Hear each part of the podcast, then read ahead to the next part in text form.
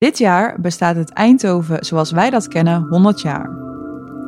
Eindhoven is een stad waar verschillende migrantengezinnen zo'n 50 jaar geleden hun thuishaven vonden. Het is een stad die rijk is aan tal van vertellingen over ontheemding en thuis zijn. Wij zijn Munganyende Helen Christel En Suhela Jeltjen, van het guerrilla-audiocollectief Fufu en Dadels. Beide onze migratiegeschiedenissen kent een oorsprong in Eindhoven.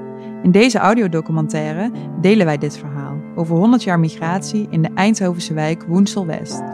Met 100 jaar thuis zijn vieren en herdenken wij een rijke Nederlandse migratiegeschiedenis door de ogen van historische migrantenwijken en oude volksbuurten.